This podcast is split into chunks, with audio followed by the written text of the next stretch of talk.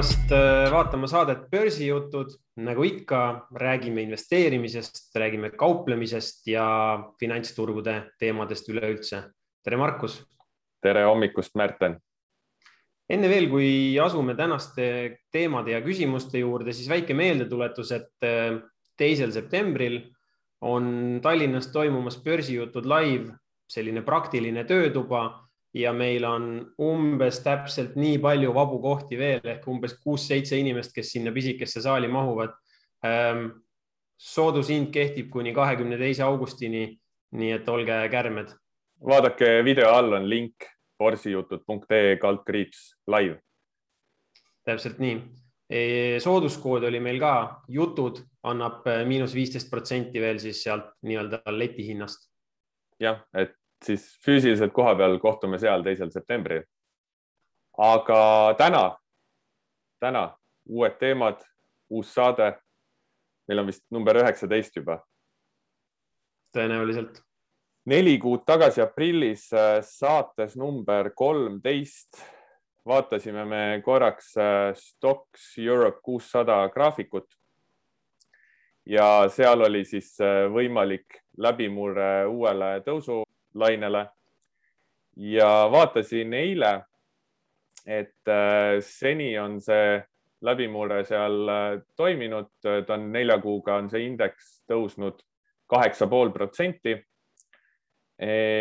aga mida vaatasin, vaatasin hoopiski nüüd seda graafikut, mida, mida te videopildis näete, mis on äh, Ühendkuningriigi turuindeks FTSE sada, mis on siis nii-öelda Inglismaa turuindeks äh, suurematest ettevõtetest, nii nagu USA-s on SB viissada.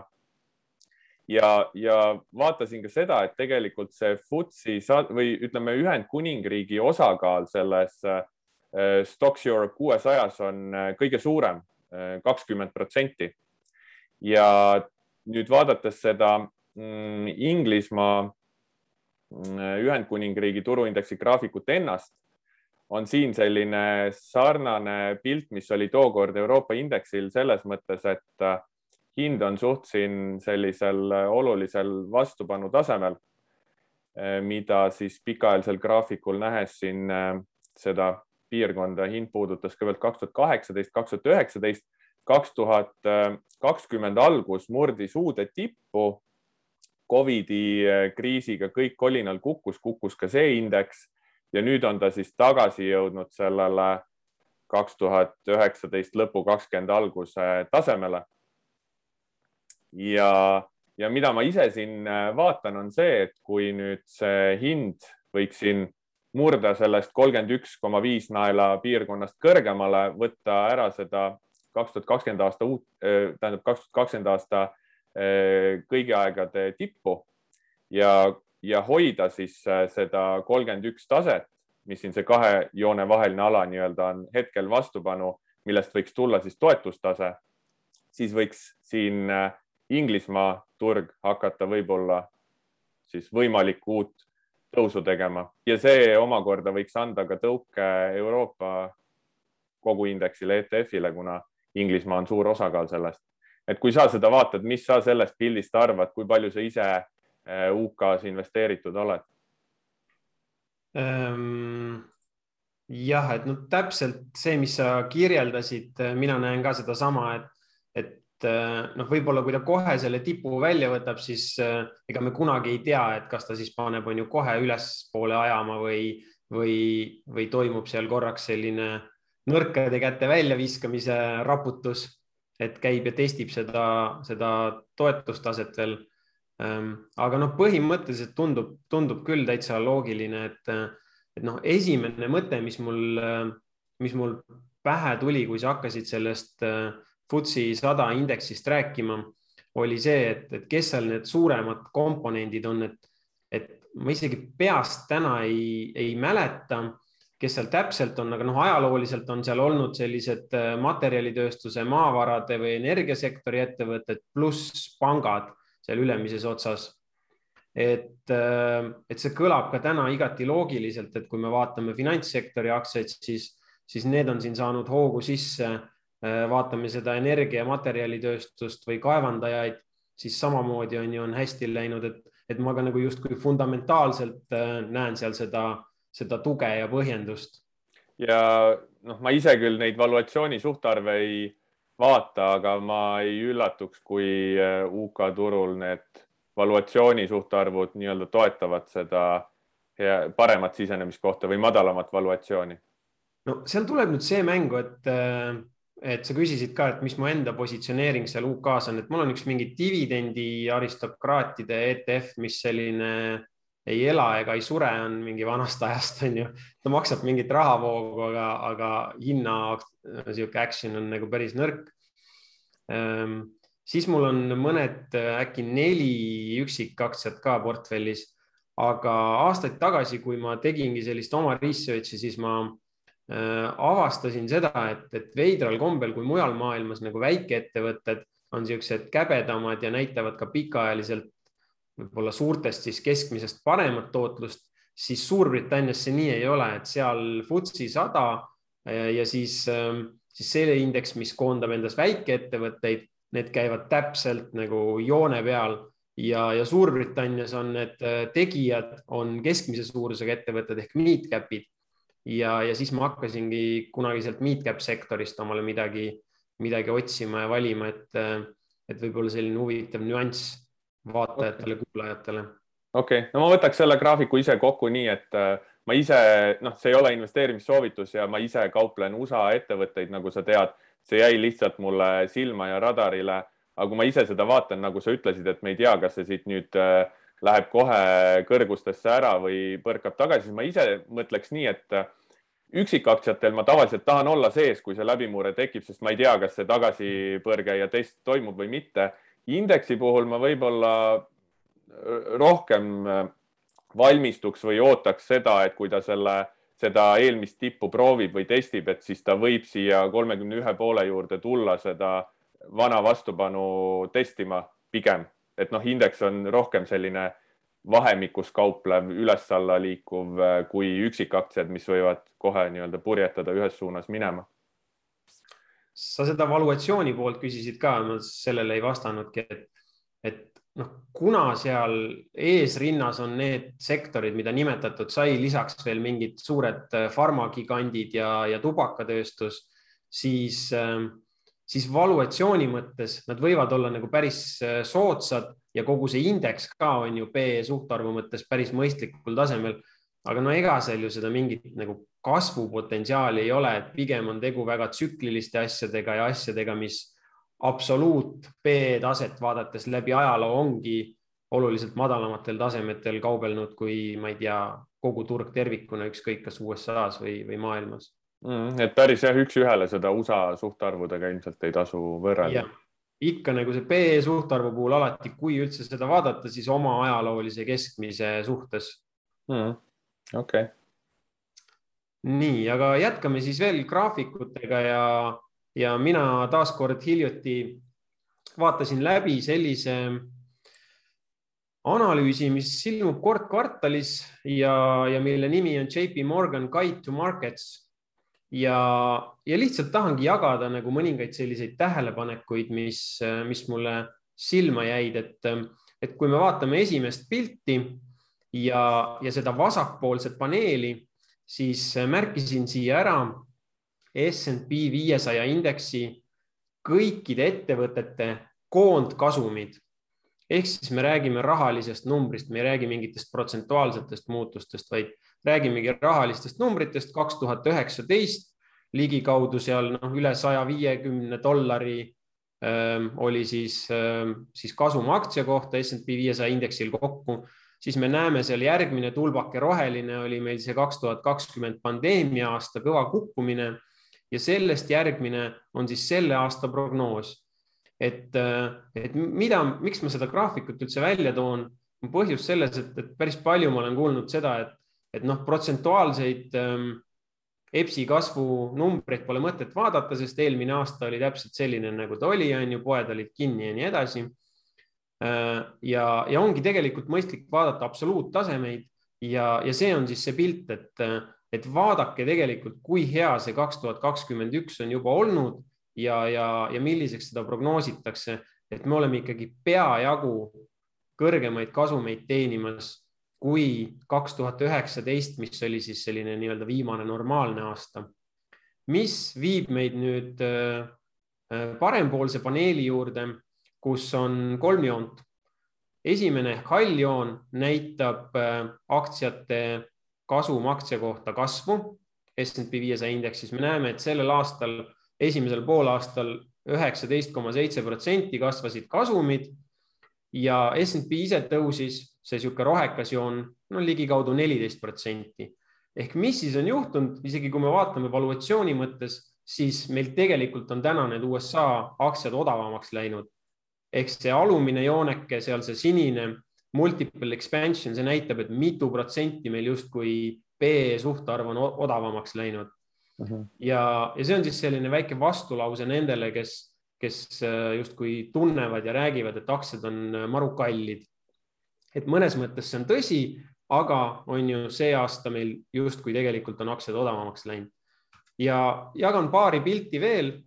Mm, graafik number kaks näitab siis ära SNP viiesaja ettevaatavat ähm, PE suhtarvu ja viimase sellise kahekümne viie aasta vaade ja noh, me näeme tõesti, et ta on nagu nii-öelda keskmisest kõrgemal. Äh, aga ta ei ole kaugeltki mingi uute rekordite ja tippude juures, nagu seda oli näiteks see tehnoloogia mull seal kahe tuhandendate alguses.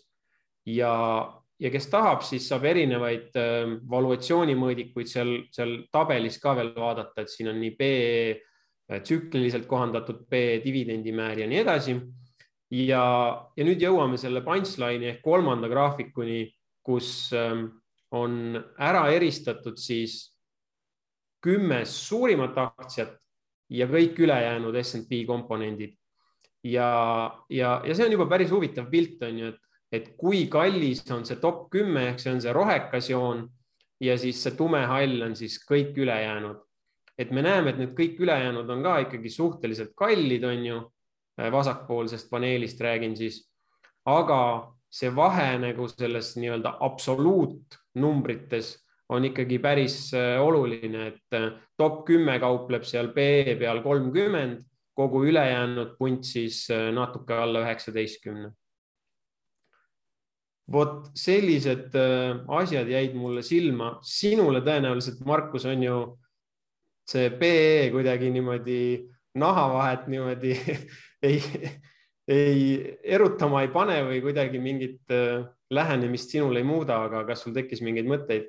Äh, jah, ma ise lihtsalt P ja neid valuatsiooni ja muid suhtarve oma töös ei kasuta, ma vaatan hinna liikumist, teen tehnilist analüüsi sellele, aga mõtteid tekkis see tegelikult enne kolmanda pildini jõudmist, ma juba mõtlesin selle peale, et SB viiesaja indeksis olevad aktsiad kokku toodavad äh, paremaid, kõrgemaid kasumeid ja seeläbi ei olegi võib-olla nii kallid, siis ma hakkasin kohe mõtlema ise selle topi peale.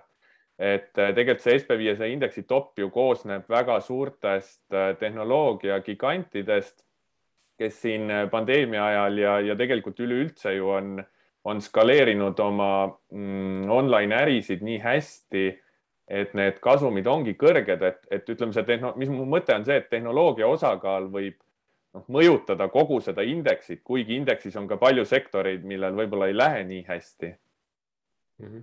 ja, ja siit äh, kolmandast pildist mõnes mõttes see tulebki välja, et need äh, noh, need top kümme, mis on, ma täpselt peast ei tea, kui suure osakaalu nad indeksist moodustavad, aga see on vist päris suur, ma ei tea, kas viiendik või, või isegi rohkem. põhimõtteliselt seesama kolmas pilt parempoolsete paneelide pealt, parempoolne ülemine näitab meile, et top kümme aktsiat moodustavad kakskümmend kaheksa koma kuus protsenti SEB okay. osakaalust ja nende kasum moodustab siis kolmkümmend koma viis protsenti kogu SNP viiesaja ettevõtete poolt teenitud kasumist. no vot just, just ma seda poolt ei jõudnud veel vaadata, aga, aga ühesõnaga jah, et see noh, see SB viiesaja indeksis suur osakaal on nendel tehnoloogia gigantidel ja need tegelikult mõjutavad seda kogu indeksit päris palju.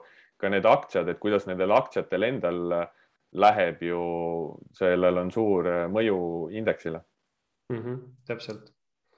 aga jagan kahte graafikut veel või pilti, mis mulle silma jäid ja, ja järgmine pilt ähm, see on lihtsalt midagi sellist, mida ma läbi aja olen äh, ise kasutanud ähm, lihtsalt oma raha investeerimisel ja, ja kunagi ka fondijuhi aegadel sai sellel silm peal hoitud. et ähm, lihtne ja selge loogika, äh, hallid tulbad, suurettevõtted, rohekad, väikefirmad USA turu näitel ja missugused on olnud äh, tootlused ähm, viimaste kriiside turulanguste ajal ja siis järgmise kaheteistkümne kuu taastumise protsent.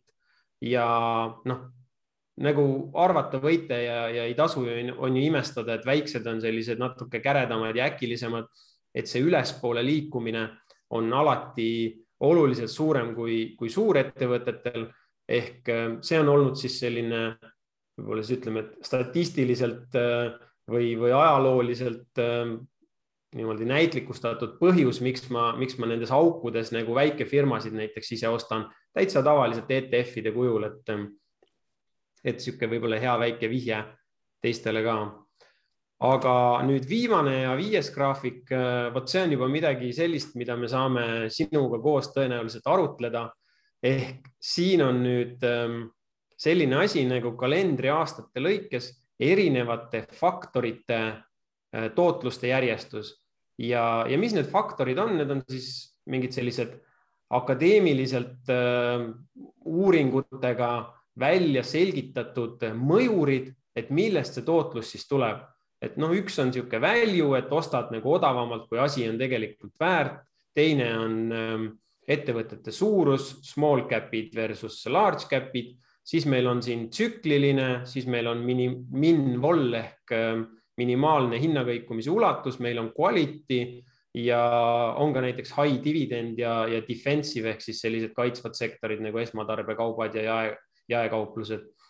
Aga minu arust see on nagu suurepärane graafik selleks, et, et esimese asjana otsida üles see lillakas kastike, mille sisse on kirjutatud momentum ja, ja vaadata siis on ju, et, et mis on toimunud viimasel viiel-kuuel aastal, kus see momentum on ja siis kerida ajas tagasi ja vaadata, kus ta siis oli, on ju, kus ta oli ähm, enne eelmist finantskriisi kaks tuhat viis, kuus, seitse ja kohe ka pärast seda.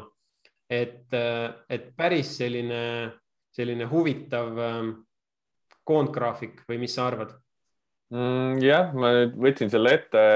esmapilgul oli üsna kirju, ma püüan seda vaadata kiirelt ja ja aru saada, mis siin midagi on.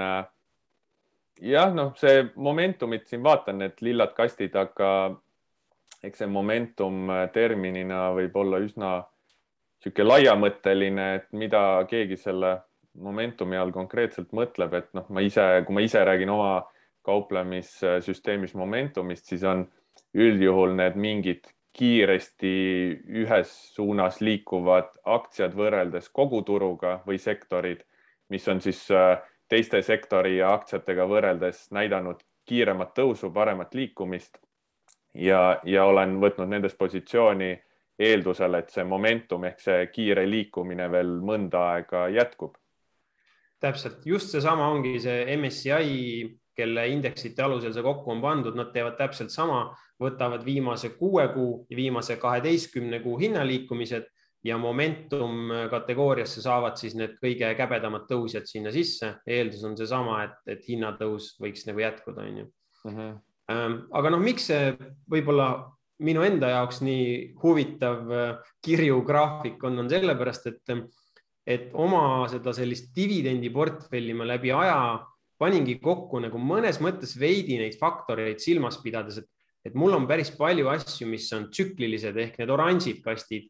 Ja me näeme hästi, kuidas need oranžid on ju, on seal ülemises pooles ja siis on mingid perioodid, kui nad on alumises pooles, need on need ajad, mil, mil ma neid ostnud olen tavaliselt. siis on meil selline hele sinine kastike, mille nimi on quality. Ja, ja see on jälle, ta on ju täpselt samamoodi, et kord ta on seal ülemises pooles, teinekord on alumises pooles ja, ja small cap on ju täpselt samamoodi ehk, ehk mõnes mõttes oma sellise pikaajalise portfelli ma olengi kokku pannud nii, et mul oleks nagu erinevaid tüüpi aktsiaid seal portfellis ja ma, ja, ja ma nii väga nagu ei vaata seda majandussektorite põhist jagunemist, vaid pigem just neid samu faktoreid. Ja, ja see momentum ongi nüüd äh, selline viimane asi, mis ma, mis ma lisanud olen omale eelmisel aastal siis selle tugeva, tugeva hinnatõusu pealt ja kui ma ütlen momentum, siis ma mõtlengi neid nagu pigem selliseid, on ju, äh, kasvuaktsiaid, mis, mis said sealt hoogu. aga on üks veerg, mille nimi on year to date ja, ja me näeme seal, et et sellel aastal on asjad äh, puhta pahupidi, et, äh, et momentum on allotsas ja value on üleval otsas, et, äh, et päris suur selline pöördumine, et sina kauplejana noh, tõenäoliselt kuna sa tikkeritest kaugemale ei vaata, et siis sa võib-olla väga seda tajunud ei ole. aga, aga selline see pilt on. Jah, see on kusjuures huvitav, see year to date, et value on esikohal ja momentum on viimasel kohal. E-, esimene mõte, mida ma veel tahtsin öelda, üks mõte on see, kui ma nüüd äh, kuulasin su juttu, et tegelikult tõesti äh, kõik käib üles-alla, et vahepeal on üks üleval, äh, toimib hästi ja siis teine all ja vastupidi. et minu meelest see annab hea pildi sellest, et tulebki mm, hajutada pikaajalise perspektiiviga nende erinevate viiside vahel, sest erinevates tulu, turu äh, situatsioonides ja režiimides siis äh, erinev nii-öelda viis või stiil toimib ja teine jälle annab tagasi, et äh, noh, see minu jaoks annab nagu selle hea pildi, kuidas, mm, kuidas samamoodi ka mu enda strateegiad käivad äh, üles-alla, et äh, teatud turuolukorras üks strateegia toimib paremini, teine kehvemini, aga siis see jälle kõik muutub, siis mhm. see strateegia, millel läks hästi, võib-olla ei toimi see nii hästi ja see teine võtab nagu selle tootluse tekitamise üle portfellis. Ja noh, see year to date, ma ei tea, noh, mu enda portfell on year to date umbes kakskümmend protsenti aasta algusest, mis minu jaoks on täiesti okei okay,, sest ma mõõdan seda siis kogu portfelli pealt, on ju, eh, mitte mingite üksikute paremate tehingute pealt. ja, ja seal on mul ka tegelikult ju mitte ainult momentumi strateegiad, et, et large cap eh, tehnoloogiagigandid, mida pika, pikaajalisemalt hoian ja ja divergentsid ja kõik muud, et äh, noh, mul on võib-olla raske siit enda neid strateegiaid nendesse kastidesse konkreetselt lahterdada, sest, sest ma vaatan seda muu tehnilise pildi järgi. aga need põhimõtted on samad, et, et kõik on tsükliline, nii kauplemisstrateegiad, nii sektorid kui need erinevad äh, stiilid. jah, täpselt nii. selle momentumiga praegu hetkel portfellis meenub äh, Moderna aktsia, mida mm. ma augusti alguses ostsin kolmesaja kuuekümne daala pealt, kohe nädala-paari jooksul käis neljasaja kaheksakümne viie peal. väga rõõmus, äh, suur kiire tõus, aga samamoodi tulin hetkel alla sealt. Äh, hetkel veel see suhtelise tugevuse stopp ei rakendunud, nii et vaatan praegu, see oli vist seal neljasaja daala juures et, et ta tuli tipust alla, aga ta ei ole veel kõike tagasi andnud.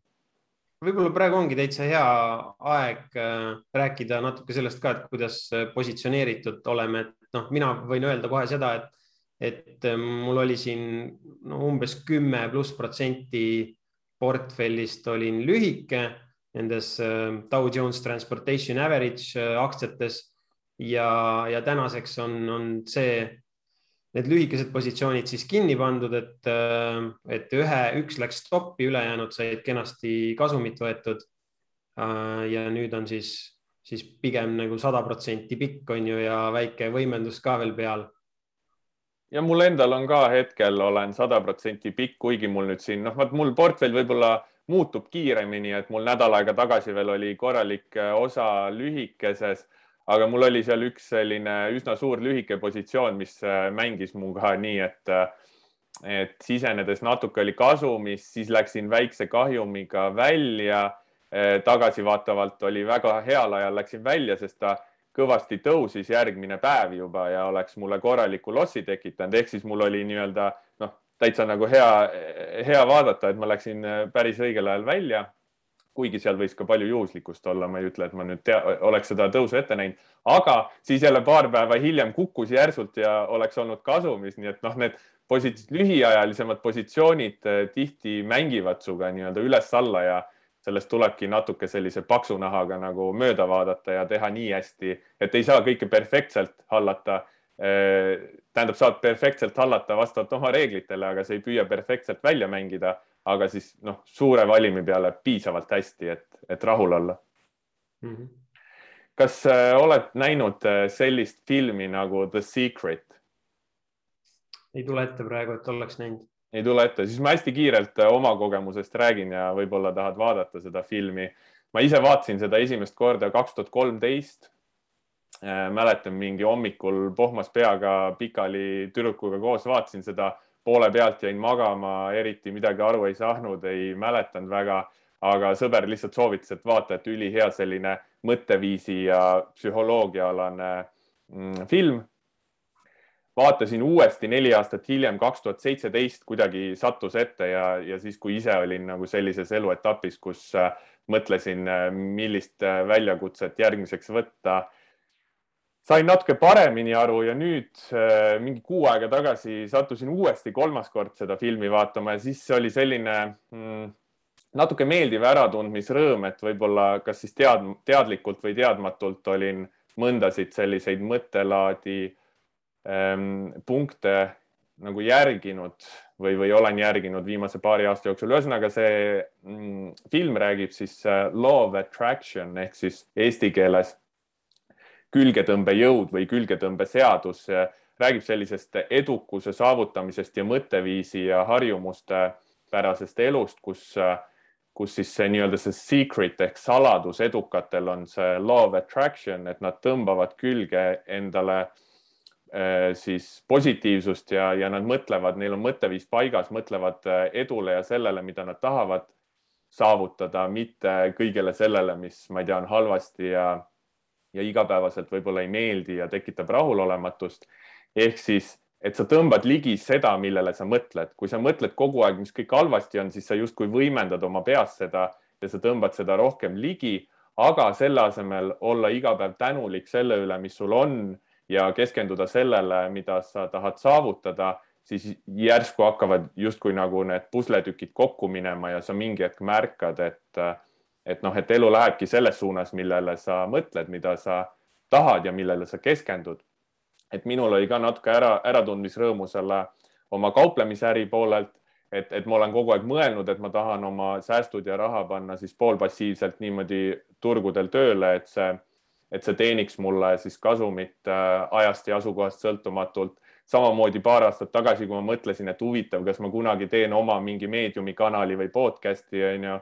täna siin me oleme Youtube'is börsijutud nime all, et, äh, et ühesõnaga selline mõtteviisi suunav film, mis mind, kui ma nüüd jälle uuesti kolmas kord seda vaatasin, laadis nii üles, ma olin nagu terve päev oli kuidagi nii hea olla ja ja tundsin nagu rõõmu kõige selle üle, mis, mis on saavutatud ja mis on olemas ja ja, ja ka nende mõtete üle, et mis veel kõik tulevik äh, tuua võib.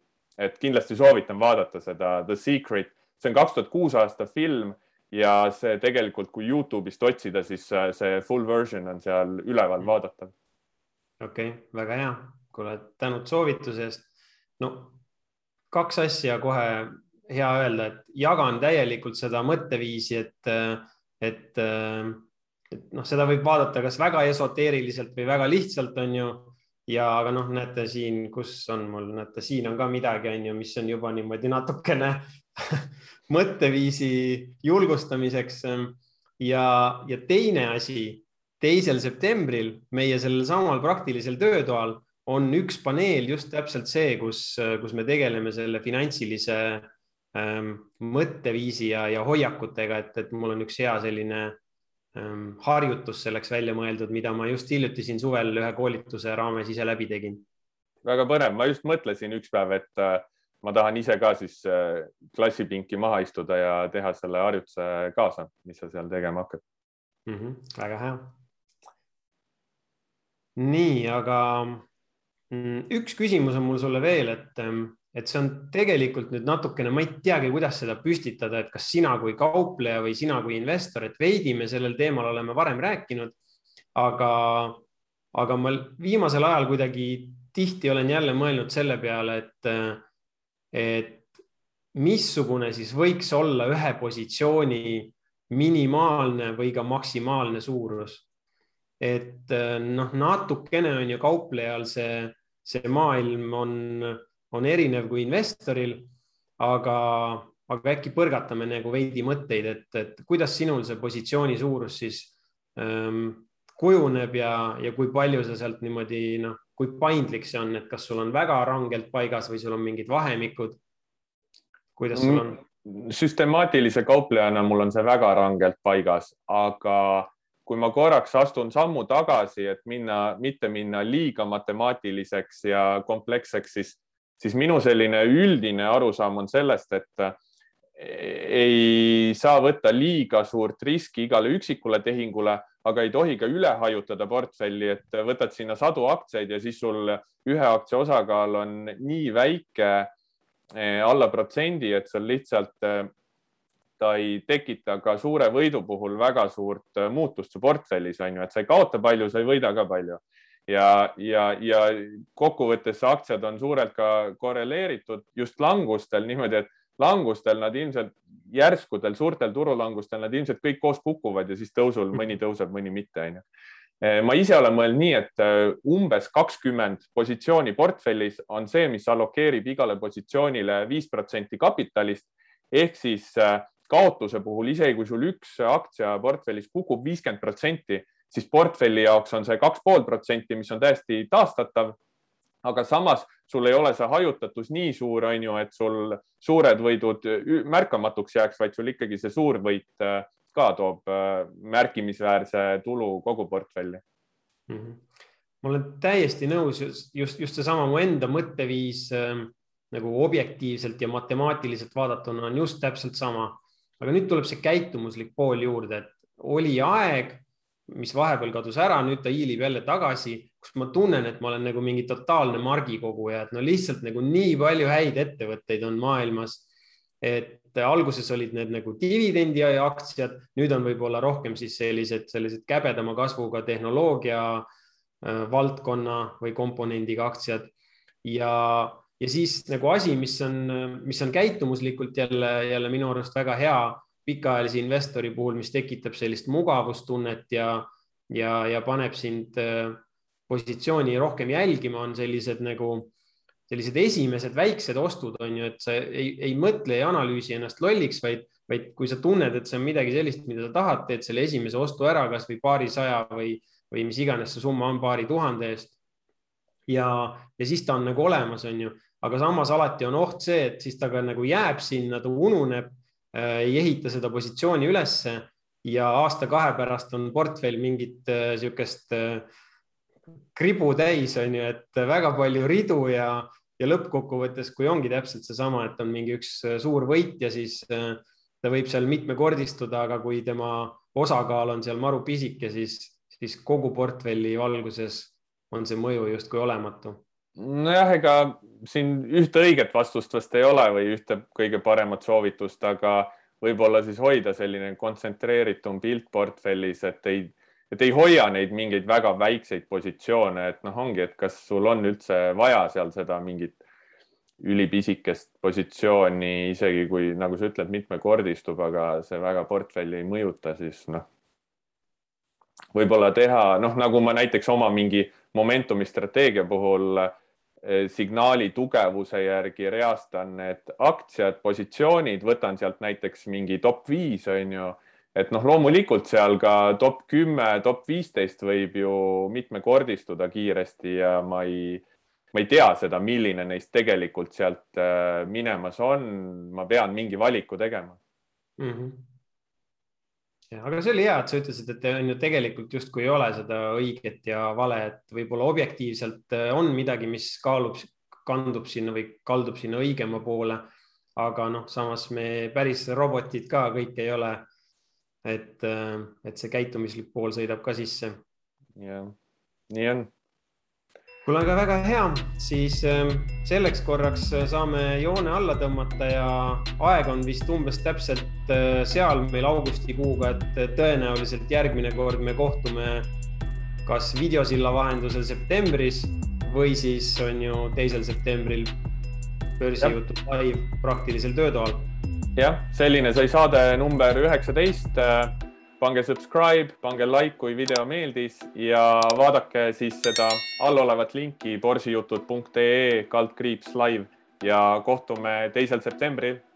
see saade on meelelahutusliku sisuga. me ei soovita osta ega müüa ühtegi finantsvara. iga inimene on vastutav oma finantsotsuste eest. iga finantsotsus võib viia kapitali kaotuseni